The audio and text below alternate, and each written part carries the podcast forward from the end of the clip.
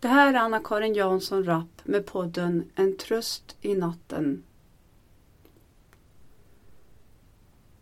Vår frihet håller på att gallras ut. Och det syns bland de böcker som biblioteken gallrar ut. Sedan en tid tillbaka åker jag runt till biblioteken där vi bor och tar vara på frihetsböcker som gallras ut.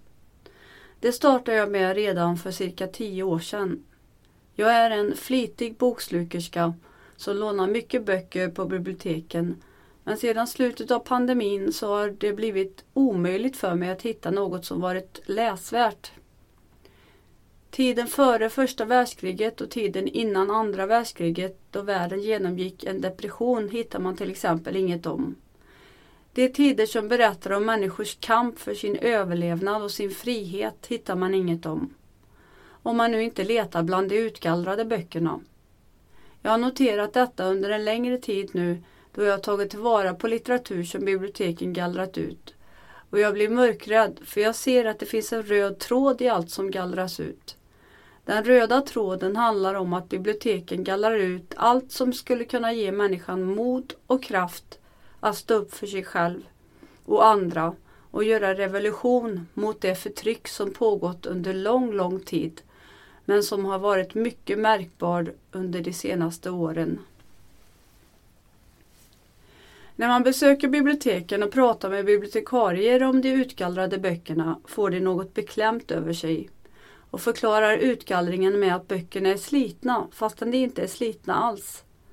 Den senaste som sa så ljög mig rakt upp i ansiktet och jag förstod av hans generade ansiktsuttryck och böckernas välbevarade yttre att han ljög som en ursäkt inför sig själv. Exempel på böcker som gallrats ut och som jag just läst klart är Den osynliga väggen och Drömmen av Harry Bernstein. Han föddes 1910 och dog 2011. Han debuterade i slutet av sitt liv vid 96 års ålder med boken Den osynliga väggen. Han har skrivit om tiden innan, under tiden och efter första världskriget i England. Och han har skrivit om depressionen i Amerika. Det är självbiografiska romaner där han berättar om sin uppväxt med början i ett arbetarklassområde i en fabriksstad i Lancashire i England. Den första boken heter alltså Den osynliga väggen och berättar om hans uppväxt på en gata där det bodde judar på ena sidan och kristna på den andra sidan. Om den osynliga vägg som höll dem isär från varandra förutom i krissituationer när soldater kom hem från första världskriget. Judarna fick till exempel inte gifta sig med kristna för då ansågs de som döda för sin familj. Harry Bernstein berättar om sin syster som olovligt gifter sig med en kristen man och när de precis gift sig så pratar den kristne mannen med Harry Bernstein som då är i 11 års ålder. Han talar med honom om den osynliga vägg som de båda vuxit upp med på sin gata. Väggen mellan judarna och de kristna. Jag måste citera, för jag röst när jag läste dessa rader. Vi är, inte vi är inte särskilt olika varandra. Inte olika alls faktiskt. Vi är allesammans människor med samma behov, samma begär, samma känslor som alla andra. Det är lögn att vi skulle vara olika. Det är något de har kokat ihop för att vi ska slåss mot varandra istället för mot dem, det som håller oss nere och blir rika på vårt arbete. Samma människor som skickar oss ut i krig när de börjar slåss sinsemellan om bytet. Det kommer du att märka en vacker dag. De kommer att kräva att du ska gå ut i krig för dem. Det kan du vara förvissad om, för det kommer att bli många fler krig i framtiden. Jag hamnade i ett själv och jag såg män bli dödade, sårade och lemlästade. Och jag måste ha dödat en hel del själv. Och jag mår illa varje gång jag tänker på det. För vi slogs mot varandra istället för, istället för mot dem som skickade oss dit ut. Oj vad de är smarta, de där kapitalisterna. Det är svårt att vinna över dem.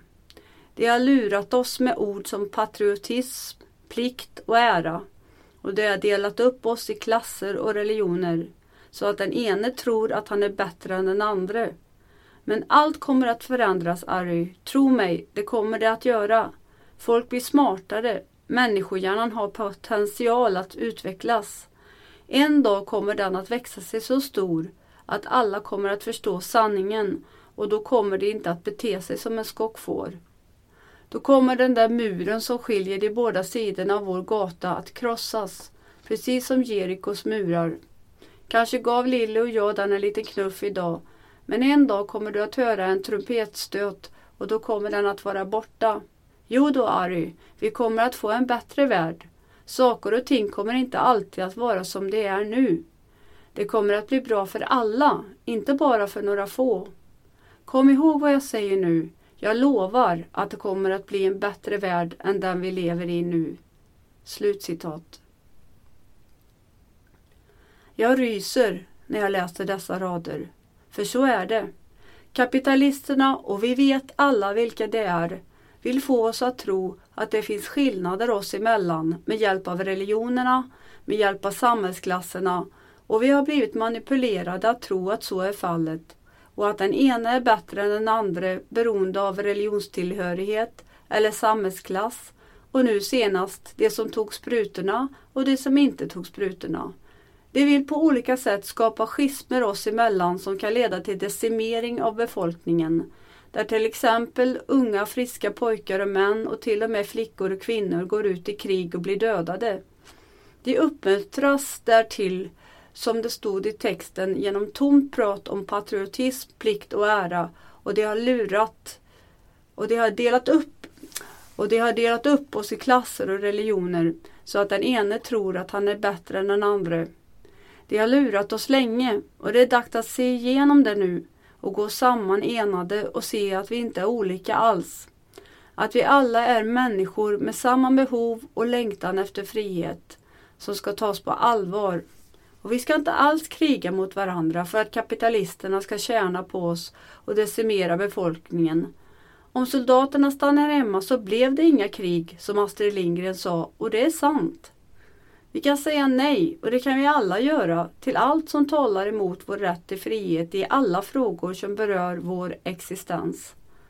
Det är anmärkningsvärt att böcker som dessa gallras ut från biblioteken, men det talar sitt tydliga språk.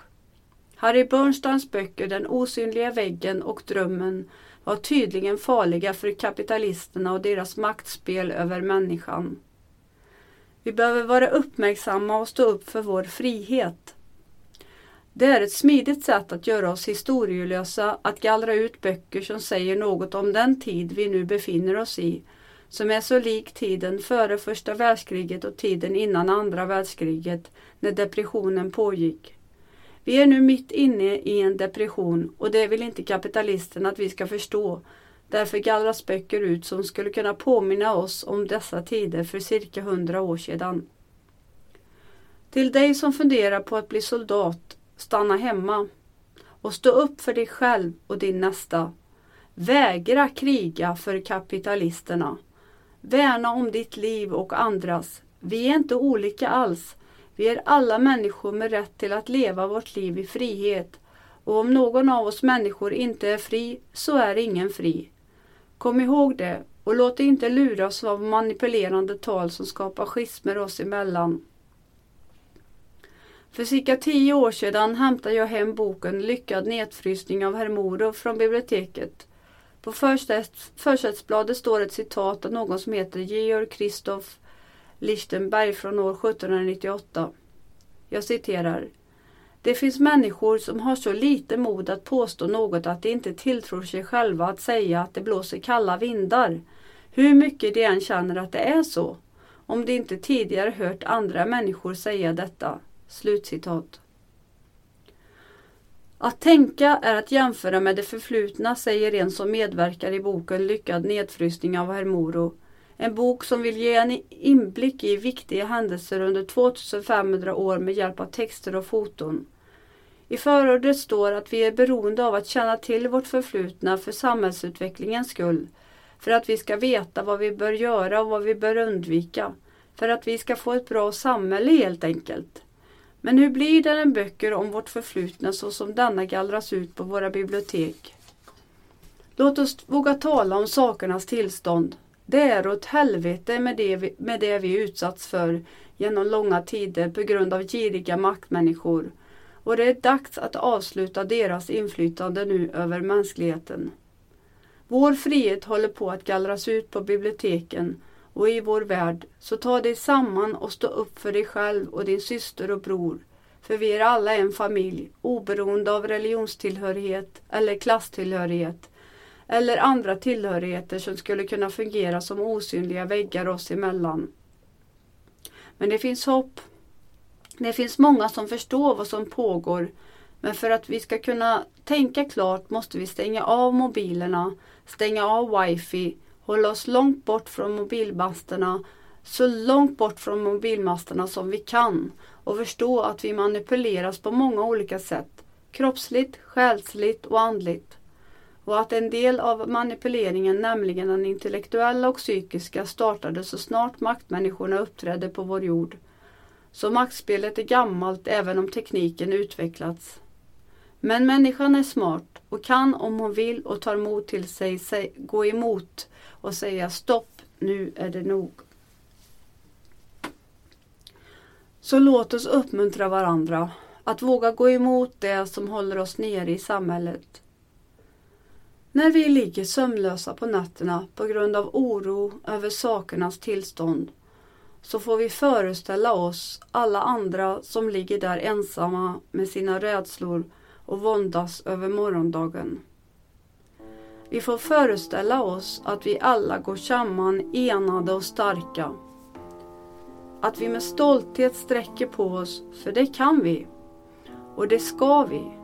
För att vi är människor som kämpar mot alla odds. För en dag så kommer det att bli bra. Inte bara för några få, utan för alla.